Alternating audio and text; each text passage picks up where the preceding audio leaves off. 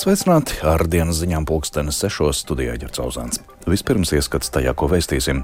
Izraels armija nogalinājusi vēl trīs Hamas teroristu komandierus. Armija vaino gaisa triecienā Indonēzijas slimnīcā Gazas joslā. NATO ģenerālsekretārs brīdina par Krievijas iejaukšanos Bosnijas iekšpolitikā. Argentīnā par prezidentu ievēlēts labējo kandidāts Javiers Milējs. Slimību profilakses un kontrolas centrs pauž bažas par leģionāru slimības izplatību. Par šiem tematiem turpinājumā plašāk.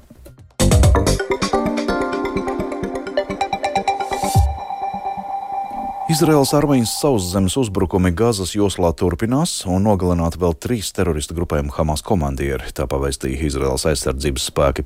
Bet Hamas kontrolētā Gazas joslas veselības ministrija vaino Izraels armiju gaisa triecienā Indonēzijas slimnīcai Gazas joslas ziemeļos, kur nogalināti vairāk cilvēki. Plašāk stāsta Rihards Plūme.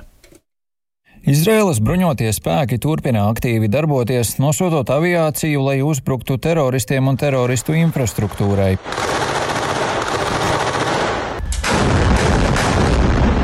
Kā apgalvo armija, tās spēki Gazas joslā turpina atrast ieročus un militāro aprīkojumu. Izraēlas gaisa spēku iznīcinātāju uzlidojumā nogalināti trīs Hamas komandieri. Gaisa triecienā tika likvidēta vēl viena kaujinieku grupa, kā arī tika iznīcināta ieroču noliktava. Šorīt teroristu grupējuma Hamas pārvaldītā Gazas joslas veselības ministrijā apgalvoja, ka nakts laikā Izraela esot īstenojusi gaisa triecienu Indonēzijas slimnīcai, kas atrodas Gazas joslas ziemeļu daļā. Tikuši nogalināti 12 cilvēki. Saskaņā ar veselības ministrijas datiem slimnīcā atrodas aptuveni 700 cilvēku, tostarp mediķu komandas un ievainotie. Šiem apgalvojumiem nav neatkarīga apstiprinājuma. Vēlāk slimnīcas apkārtnē tika manīti arī Izraēlas tanki, bet Izraēlas militāra personas nav izteikušās par ministrijas pausto. Indonēzijas slimnīca tika izveidota 2016. gadā ar Indonēzijas organizāciju finansējumu. Indonēzijas ārlietu ministre Retno Marsurdī nosodījusi iespējamo Izraēlas gaisa triecienu slimnīcai. Tikmēr palestīniešu ziņu aģentūra Vafa vēsta par vairāk nekā desmit upuriem arī citas slimnīcas apkārtnē Gazas joslas dienvidos. Savukārt no Izraēlas spēku aplenktās un ieņemtās Ašifas slimnīcas Gazas joslas ziemeļos svētdien tika evakuēti 28 priekšlaicīgi dzimuši bērni. Šodien viņi nogādāti Eģiptē, kur tiks ievietoti slimnīcās. Hamas kontrolētā veselības ministrija norādījusi, ka šajā slimnīcā joprojām atrodas aptuveni 260 ievainoti cilvēki. Sēsdien no slimnīcas tika evakuēti simtiem cilvēku. Izraēlas aizsardzības spēki publicējuši video, kas pēc viņu teiktā apliecinot, ka šajā slimnīcā tika turēti ķīlnieki. Video no slimnīcas novērošanas kameras, kas datēts ar 7. oktobra rītu, redzams, kā teroristi ievada slimnīcā divus civiliedzīvotājus, kādu nepālieti un tā izemieti. Pie slimnīcas 7. oktobrī arī esot manīti Izraēlas armijai nolaupītie spēkrati. Kā apgalvo Izraela, iegūtie pierādījumi liecinot par to, ka Hamas slakteņa dienā izmantoja šifas slimnīcas kompleksu kā teroristu infrastruktūru. Startautiskā sabiedrība gan joprojām gaida pārliecinošus pierādījumus tam, ka zem slimnīcas patiesi atradies Hamas komandcentrs, kā tas iepriekš apgalvots. Tikmēr visā Izrēlā šodien skanējušas sirēnas gan pie robežas ar Libānu, gan pie Gāzes joslas, brīdinot izrēliešus par raķešu apšaudi. Kopš 7. oktobra uz Izrēlu no Gāzes un Libānas palaistas tūkstošiem raķešu. Joprojām turpinās arī centieni atbrīvot Hamas sagrābtos ķīlniekus. Izraēlas vēstnieks ASV Maikls Hercogs paudis cerību, ka drīzumā varētu tikt panākta vienošanās par ķīlnieku atbrīvošanu. Get, uh... Mēs ceram, ka tuvākajās dienās varēsim atbrīvot ievērojumu skaitu ķilnieku. Es nevēlos iedziļināties šo sarunu detaļās, tās ir ļoti sensitīvas. Jo mazāk mēs iedziļināsimies detaļās, jo lielākas ir šādas vienošanās iespējas. Taču tās ir ļoti nopietnas pūles, un es ceru, ka tuvāko dienu laikā mēs varēsim noslēgt vienošanos. Vēstnieks norādīja, ka ķīlnieku atbrīvošanai uz pāris dienām varētu tikt noteikta pauze kara darbībā, bet pilnīgai uguns pārtraukšanai Izrēla nav ar mieru, jo tas dotu laiku teroristiem pārgrupēties. Katara, kas cenšas panākt vienošanos, šodien komentējusi procesu, sakot, ka Izraēlas ķīlnieku atbrīvošanā šobrīd pastāv tikai ļoti nelieli šķēršļi. Rihards Plūme, Latvijas radio.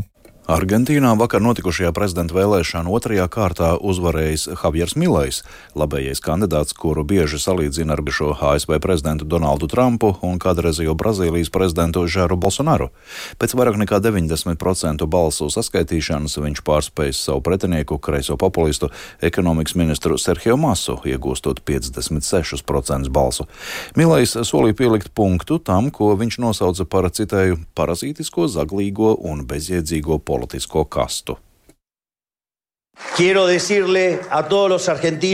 Es gribu pateikt visiem argentīniešiem, ka šodien sākas Argentīnas dekadences beigas. Šodien beidzas nabadzīgais valsts modelis, kas nāk par labu tikai dažiem, kamēr lielākā daļa argentīniešu cieš. Šodien beidzas doma, ka valsts ir laupījums, ko sadalīt starp politiķiem un viņu draugiem. Šodien vīzija, ka vainīgi ir upuri un upuri ir vainīgie, beidzas. Šodien mēs atgriežamies uz ceļa, kas padarīja šo valsti lielisku. País.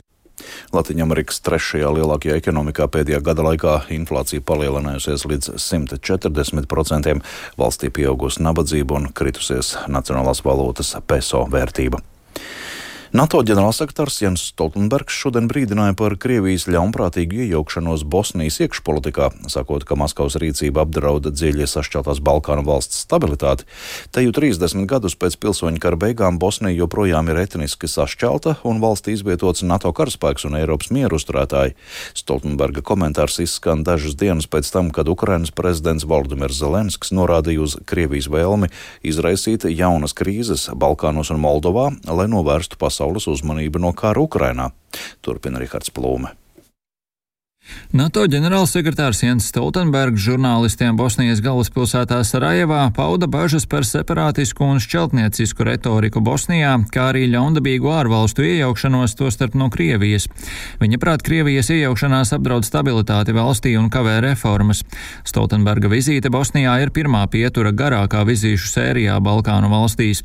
Vēlāk viņš dosies uz Kosovu, kur tiksies ar tās līderiem un apmeklēs tur izvietotos NATO spēkus, bet pēc tam dosies uz Serbiju Serbiju un Ziemeļmaķedoniju.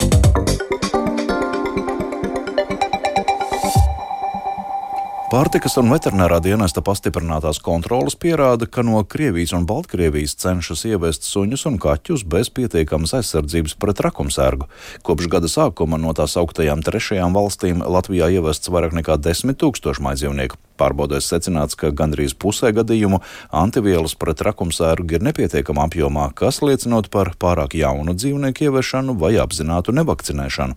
Tā Latvijas radio pastāstīja dienesta ģenerāldirektors Māris Balodis tendence ir satraucoša. Nākošā problēma - tas, ka dzīvniekiem tiek norādīts galamērķis kāda no Eiropas valstīm, piemēram, Vācija, bet dokumentos norādīta adrese vai nu neeksistē, vai šai adresē neviens šos dzīvniekus negaida. Tātad tās ir falšas adreses, notiek jau darbības, lai nevarētu noskaidrot šo dzīvnieku tālāku atrašanās vietu. Šie dzīvnieki iespējams paliek Latvijā, jo nesen mēs atgriezām atpakaļ dzīvnieku kravu, kas nāca no Krievijas, kur galvenmērķis tika norādīts Vācija, bet šie dzīvnieki paredzēti Latvijas tirgu.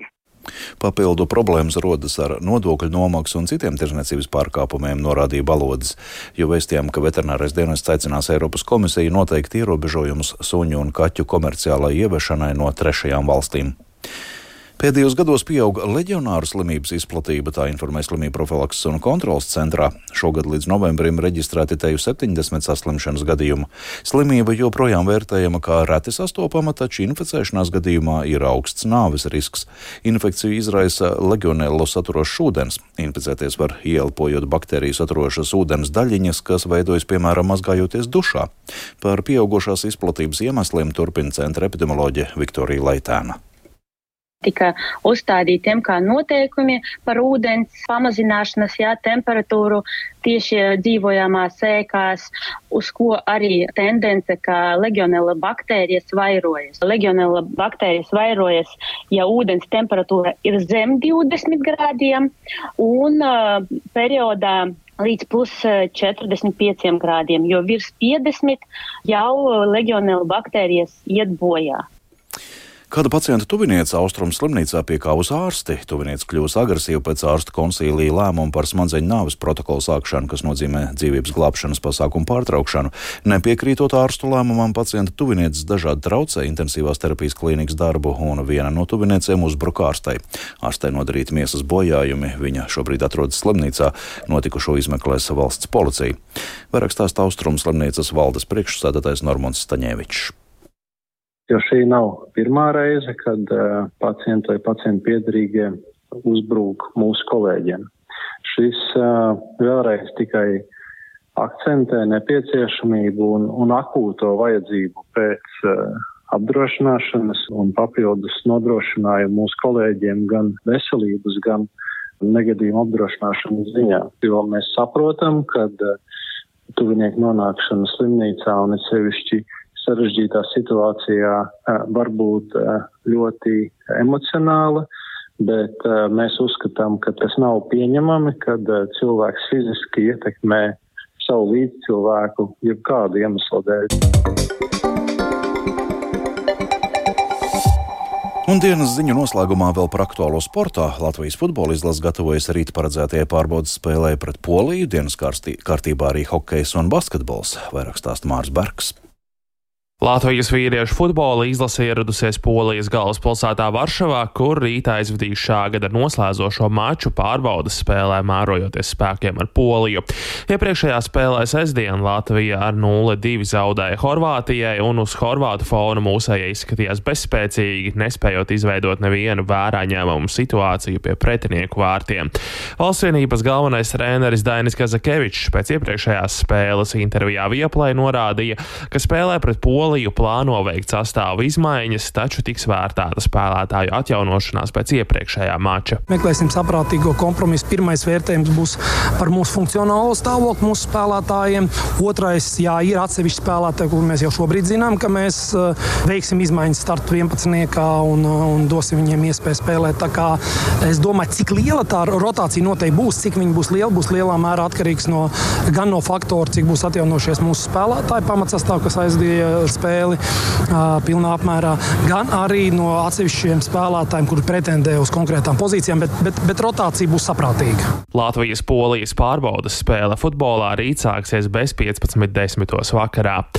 Nacionālajā basketbola asociācijā Kristapa Porziņa darbības spēles galotnē šorīt palīdzēja Bostonas Celtics izcīnīt uzvaru pret Memphisas Grizzlies. Minūte līdz pamatlaika beigām latviešu basketbolists ar bumbas triecienu grozā no augšas guva uzvaru nesošos punktus, bet pēdējās sekundēs ar bloķētu metienu Porziņš pārvilka svītru Grizzlies mēģinājumiem atspēlēties.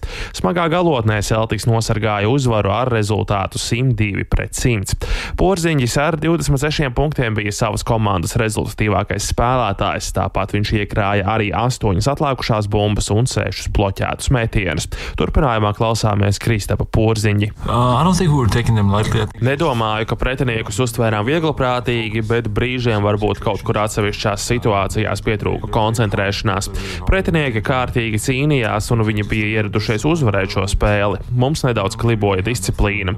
Varbūt ik pa brīdim iezogas tā sajūta, ka tik un tā uzvarēsim. Tas nozīmē, ka mums ir jābūt vēl koncentrētākiem tieši šādās situācijās. You know, sharp,